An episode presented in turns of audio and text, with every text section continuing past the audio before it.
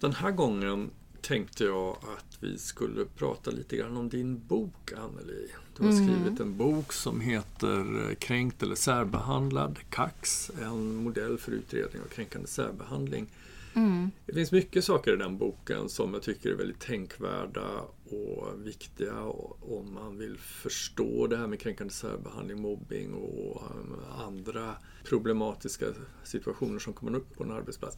En av de sakerna som du gör i den här boken, det finns dels en anledning till att bokens huvudtitel är Kränkt eller särbehandlad. Men och där du vill skilja på upplevelsen av att känna sig kränkt å ena sidan och huruvida i vilken mån det innebär att man faktiskt har blivit utsatt för särbehandling också. Mm. Men det var inte det jag ville fokusera riktigt Nej. på nu utan du gör en intressant indelning här i kränkande beteende, aggressivitet och konflikter. Jag vet mm. inte om det är så du ser det men mm. jag skulle vilja höra dig. Eh, varför är det viktigt att, skilja ut de här mm. olika fenomenen? Ja.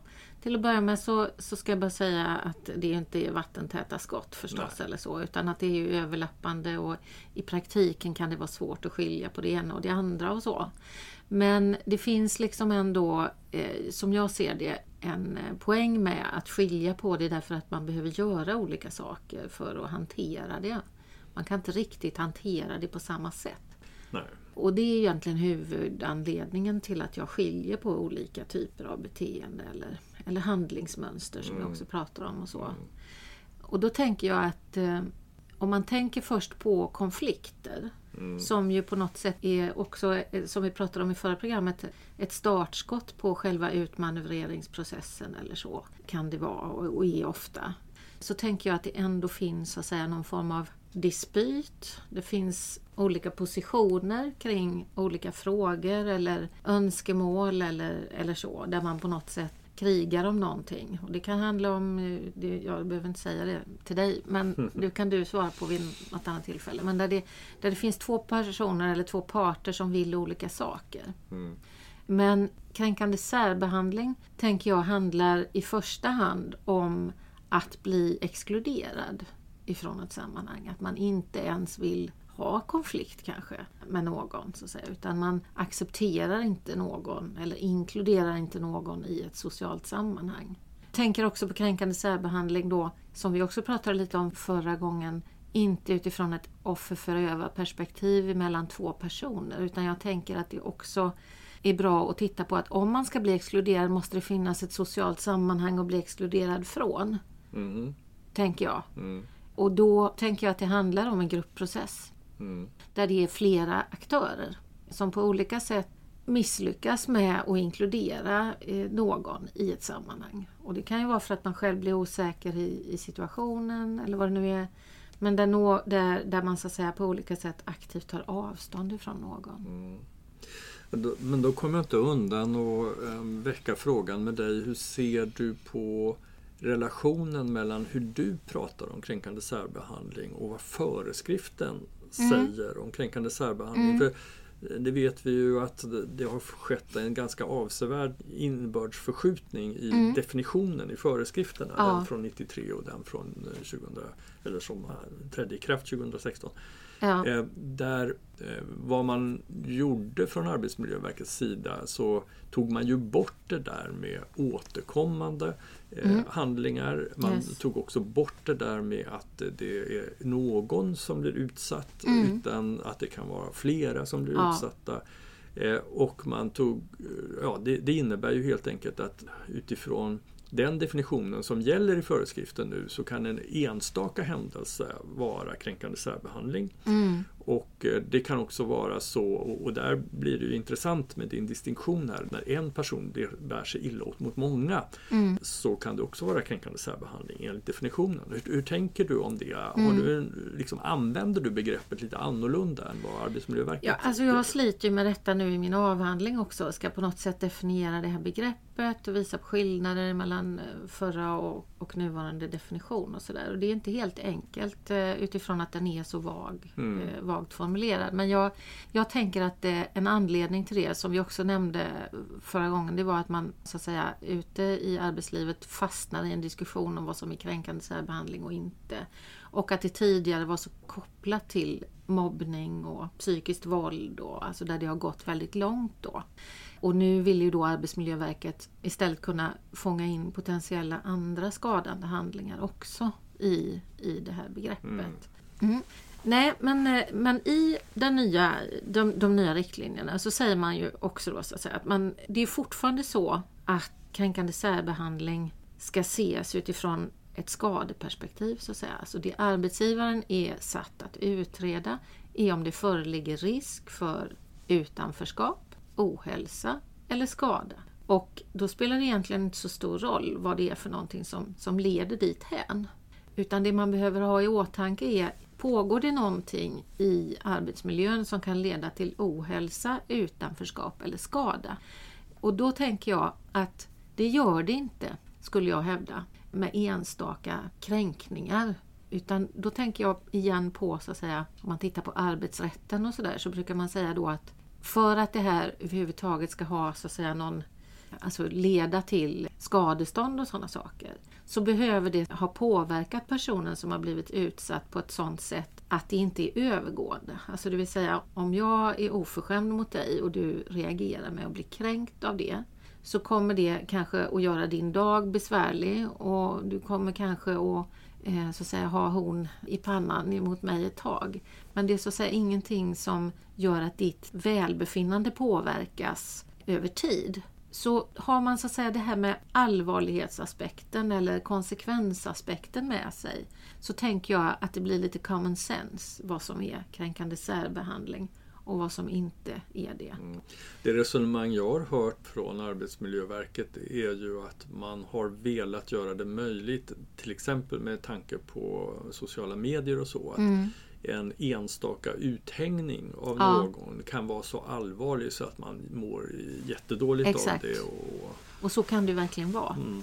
Eh, och att det blir en snöbollseffekt av den där uthängningen och så vidare. Och, så att på så sätt är det väldigt bra med den vidgade definitionen tänker jag. Därför att det täcker upp eller möjliggör också att fånga in saker och ting som inte har eskalerat jättelångt utan man kan sätta gränsen tidigare. Mm.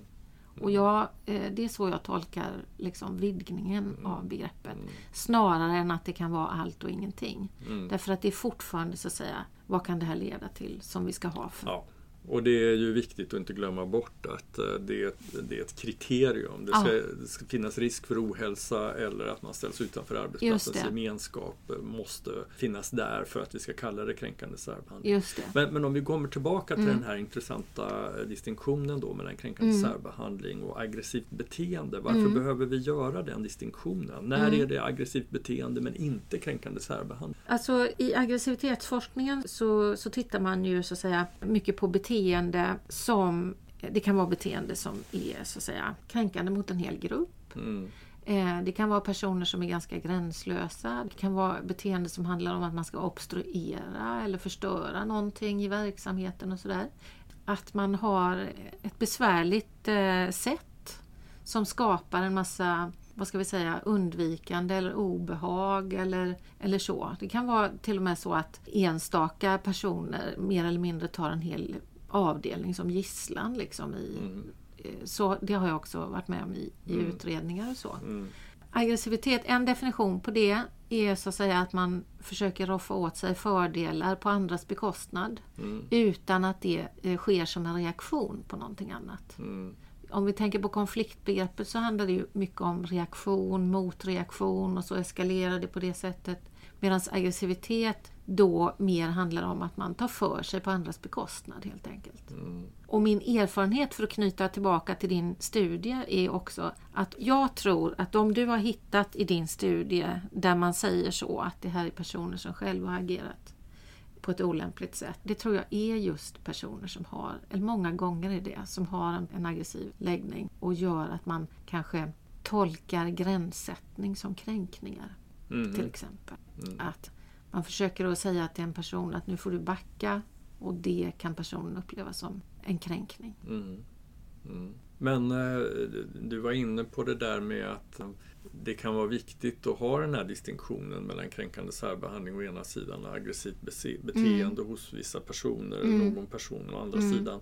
Därför att det också behöver hanteras på olika sätt. Då Just kan det. du utveckla det lite grann?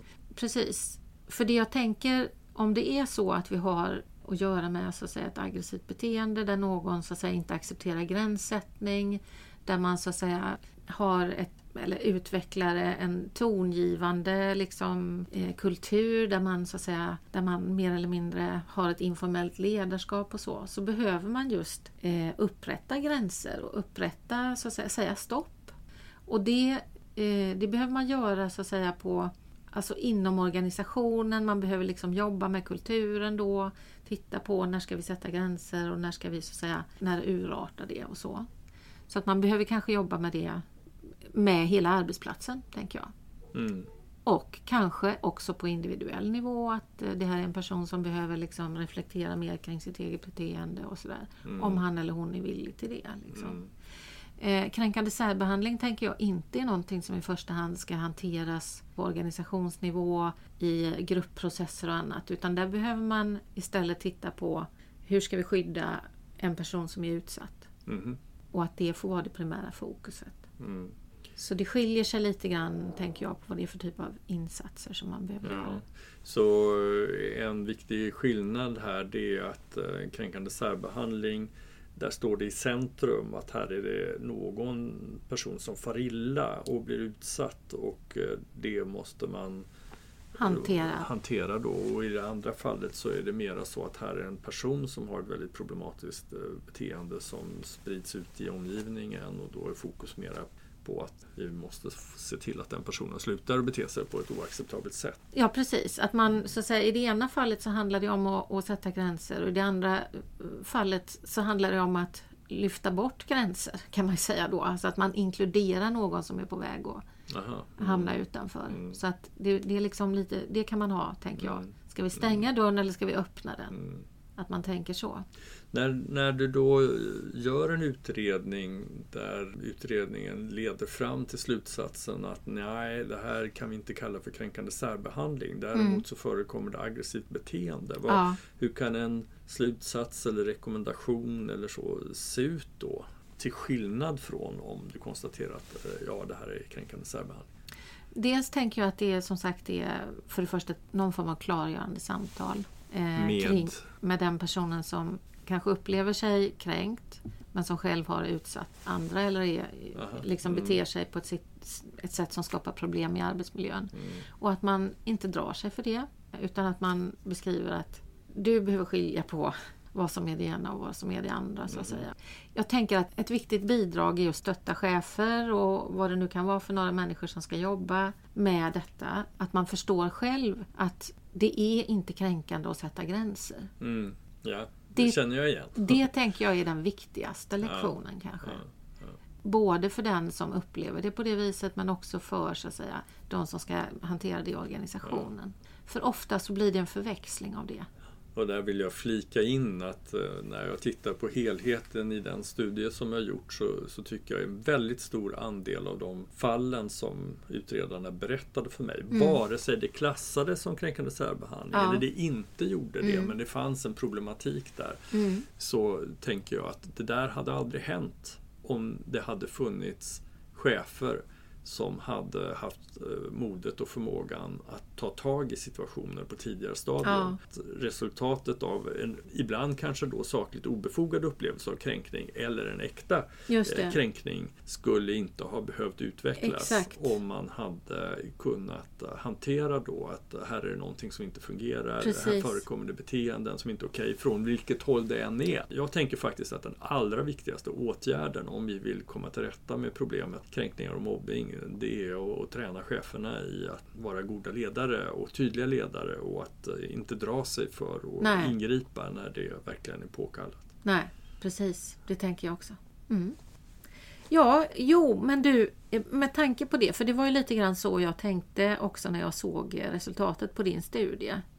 Ehm, så var det just det att, att det var en ganska stor del av eh, utredningarna där som pekade på att att eh, den som så att säga eh, har anmält själv har agerat på ett problematiskt sätt. Eh, men du har en ruta som är tom. Mm. Och då är det en ruta som, nu ska vi säga, vad skulle du säga om den rutan?